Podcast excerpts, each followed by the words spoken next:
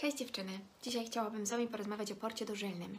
Jest to takie małe urządzenie, które wszczepia się osobie, która poddawana jest dłuższej terapii, po to, żeby zaoszczędzić jej bólu, cierpienia związanego z ciągłym podawaniem leków.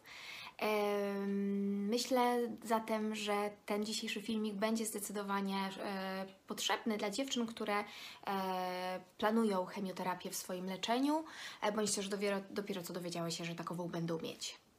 Przeanalizowałam e, zalecenia Polskiego Towarzystwa Onkologii Klinicznej, które mówią właśnie o wszczepianiu e, portu dożylnego. E, I takie jedno zdanie bardzo mi się spodobało, które mówi: Wskazaniem do implantacji portu jest konieczność posiadania przez pacjenta łatwego dostępu dożylnego w celu częstego i powtarzalnego podawania leków. Jeżeli stricte popatrzymy już w zalecenia standardowe Polskiego Towarzystwa Onkologii Klini- Klinicznej dotyczące właśnie zakładania portu, to tam e, wyszczególnionych jest pięć takich e, zaleceń, sytuacji, które powodują, że można taki port założyć. Jest to na pewno brak możliwości podawania chemii, przez żyłę. E, naprawdę na swojej drodze spotkałam wiele dziewczyn. Te żyły są masakrycznie zniszczone po chemii. One się wypalają, one się kruszą, one, się, one pękają. Em, Czasem warto się zastanowić, czy nie lepiej mieć port w takiej sytuacji i nie stresować się za każdym razem, kiedy idzie się do gabinetu e, zabiegowego przed każdą chemią, czy uda się pobrać krew, czy uda się założyć węflon. Warto zapytać lekarzy. Następnym, następną sytuacją jest przewidywana duża liczba kursów. Zazwyczaj w chemioterapii, jeżeli mówimy o raku piersi, e, tych kursów będzie więcej. Ta, ta, cały, cały czas planowanego leczenia chemioterapią trwa zazwyczaj kilka miesięcy. Jest to od 5 do 6 miesięcy. Jeżeli są jeszcze przerwy związane z, z e, niekorzystnymi badaniami morfologicznymi, ten czas się wydłuża, a więc wtedy wydaje mi się, że warto e, coś takiego rozważyć. E, brak możliwości wkłucia się do żyły metodą tradycyjną. Jeżeli pojawiają się duże trudności, one przysparzają naprawdę dużo stresu. Ja Pamiętam ze swojej historii, że nigdy nie miałam żył, które były problematyczne do pobierania krwi, natomiast już pod koniec choroby i teraz już po chorobie e, to stał się dla mnie, stał się dla mnie dużym stresem. Ja w momencie, kiedy wiem, że muszę pobrać krew, e, to się zastanawiam, czy mm, pielęgniarka się e, wkłuje, czy da radę. Często kończy się to na nawet nie dwóch próbach wkłucia, czasem są trzy, cztery próby. E, To jest bolesne, jakby ten ból to akurat jest chyba w moim wypadku najmniejszy problem, ale jest duży stres z tym spowodowany. Czy się uda, jejku, jak się nie uda, to co będziemy robić. E, Także warto się zastanowić nad tym e, lub też przekonać lekarza o takiej możliwości, jeżeli on na przykład nie jest do końca przekonany, że, że taki port będzie dla nas najlepszy. E, No i ostatnim taką sytuacją, która też skłania lekarza do wystawienia skierowania na wszczepienie portu, jest występowanie ostrych, e, tak pisze w zaleceniach, ostrych odczynów naczyniowych na podawane leki. Mogą też być sytuacje, w których po prostu żyły się Wam wynaczyniają, czyli ten płyn, który gdzieś tam jest e, podawany do żyły, po prostu ucieka i robi się bulwa, to jest bolesne, szczypiące. Wszystkie te sytuacje uprawniają nas, dziewczyny, do poproszenia o wszczepienie portu dożylnego. Kwalifikacja do wszczepienia portu przez Waszego lekarza prowadzącego będzie składała się z dwóch e, części. Pierwsza rzecz to będzie badanie przedmiotowe lekarza. On oceni, e, czy się kwalifikujecie. Oczywiście sporządzi z Wami wywiad, będzie pytał różne rzeczy. To jest pierwsza rzecz. A druga rzecz to będzie e, badanie morfologiczne, które będzie mm, zawierało, będzie patrzyło na Wasze krwinki, leukocyty, e, będzie też badało krzepliwość krwi. E, I to wszystko razem zestawione, jeżeli będzie w normie, będzie podstawą do tego, aby wystawić Wam skierowanie na wszczepienie portu dożylnego.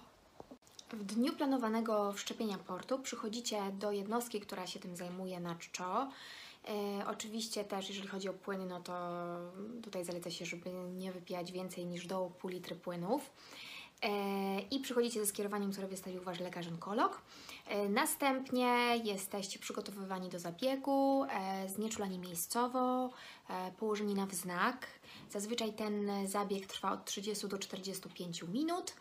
E, i po nim jeszcze e, zostaniecie poddani obserwacji przez około godzinę. Będzie, sprawdzane, e, będzie sprawdzana sytuacja, czy w Waszym wypadku nie doszło do żadnych komplikacji, czyli nie odczuwacie żadnego bólu w klatce piersiowej, duszności.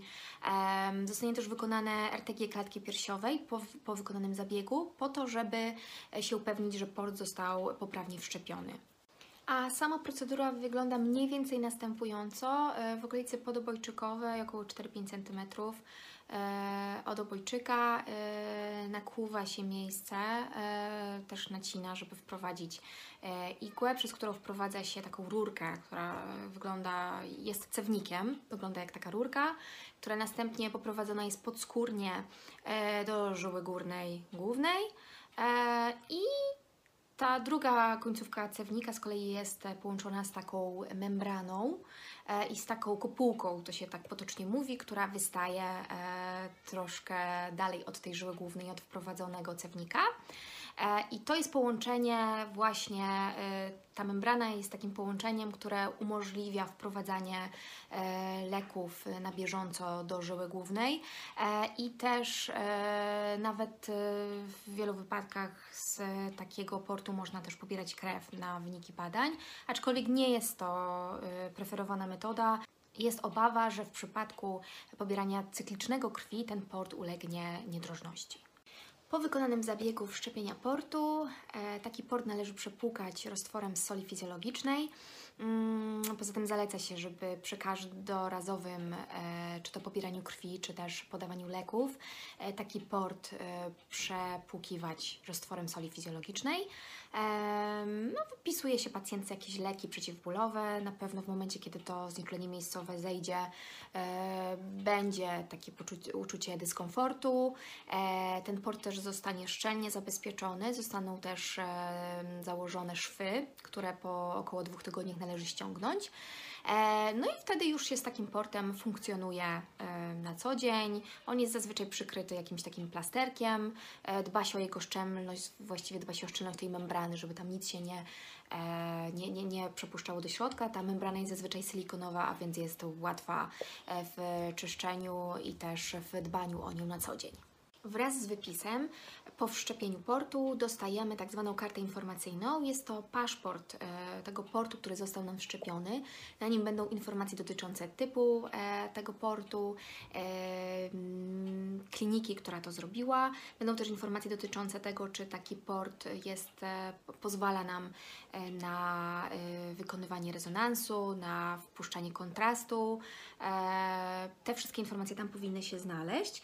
Tu też ważna informacja, e, drugi dokument, który dostaniecie, tak zwany Power, e, bransoletka, czyli PowerPort, e, będzie miał informacje dotyczące właśnie wykonywania rezonansu i te porty, które będą miały kolor fioletowy, one będą z automatu pokazywały, że jest możliwość wykonywania rezonansu i podawania kontrastu przez port dożylny.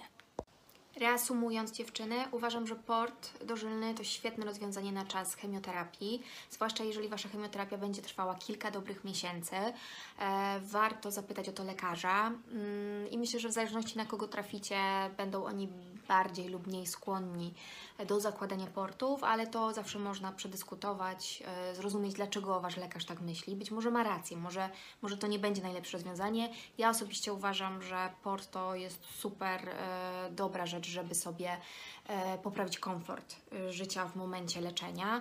Ja osobiście nie miałam portu, nawet pytałam o niego kilkakrotnie moją lekarz, ona nie była skłonna do skierowywania mi na taką procedurę. Twierdziła, że w momencie, kiedy te żyły będą już naprawdę bardzo e, osłabione i będzie trudno się z nich pobierało krew, wtedy pomyślimy o porcie. Uważam, nie do końca się zgadzam z, to, z, tym, z takim zdaniem. Uważam, że lepiej zapobiegać w takich sytuacjach i trochę oszczędzać te żyły, niż już zakładać port w momencie, kiedy, kiedy te żyły już naprawdę są bardzo kruche i, i w kiepskiej kondycji. Jedyne, co musicie pamiętać, kiedy macie port, to o tym, że trzeba go płukać trzeba go płukać regularnie. W zaleceniach e, PTOK pisze, żeby to robić co od 4 do 6 e, tygodni. E, Natomiast w przypadku regularnego leczenia, podawania leków, ten okres można wydłużyć do 3 miesięcy, a w przypadku portu, który już jest nieużywany, nawet taki, takie pukanie można wydłużyć do, każdorazowo do 6 miesięcy. Musicie zwrócić uwagę w momencie, kiedy macie założony port, czy może być wykonywane badanie rezonansem magnetycznym. Większość z tych portów, które są zakładane, już e, mają tę możliwość, natomiast zawsze warto się jeszcze upewnić i w momencie, kiedy jesteście po procedurze wszczepienia, zapytajcie anestezjologa, który wykonywał Wasze, e, wasze wszczepienie portu, czy mogę wykonywać rezonans, czy mogę mieć podawany kontrast do portu z tym portem, który został mi właśnie wszczepiony. I jeszcze jedna uwaga, w przypadku posiadania portu możecie też e, mieć radioterapię. Posiadanie portu w skórze nie jest przeciwwskazaniem do posiadania radioterapii, także to nie jest żaden argument. Nie sądzę, żeby któryś lekarz, który jest niechętny portom, używał takiej argumentacji, aczkolwiek warto też o tym pamiętać. Czyli reasumując, dziewczyny, róbmy wszystko, co pomaga nam lepiej znieść chorobę, co poprawi nasz komfort, że będziemy się czuły lepiej. Pytajmy, dowiadujmy się, nie wstydźmy się pytać. Ja osobiście nie miałam portu.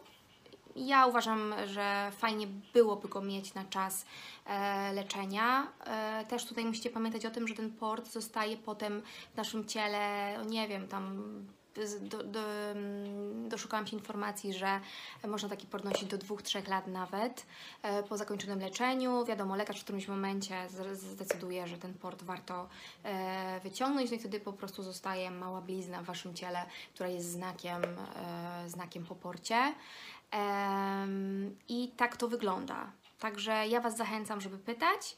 E, No wiadomo, decyzję musicie ostatecznie podjąć Wy. Być może z, pomoże Wam też w tym Wasz lekarz prowadzący, ale warto zapytać e, w tym ośrodku, w którym jesteście leczone, e, co można zrobić w tej sprawie. To tyle na dzisiaj.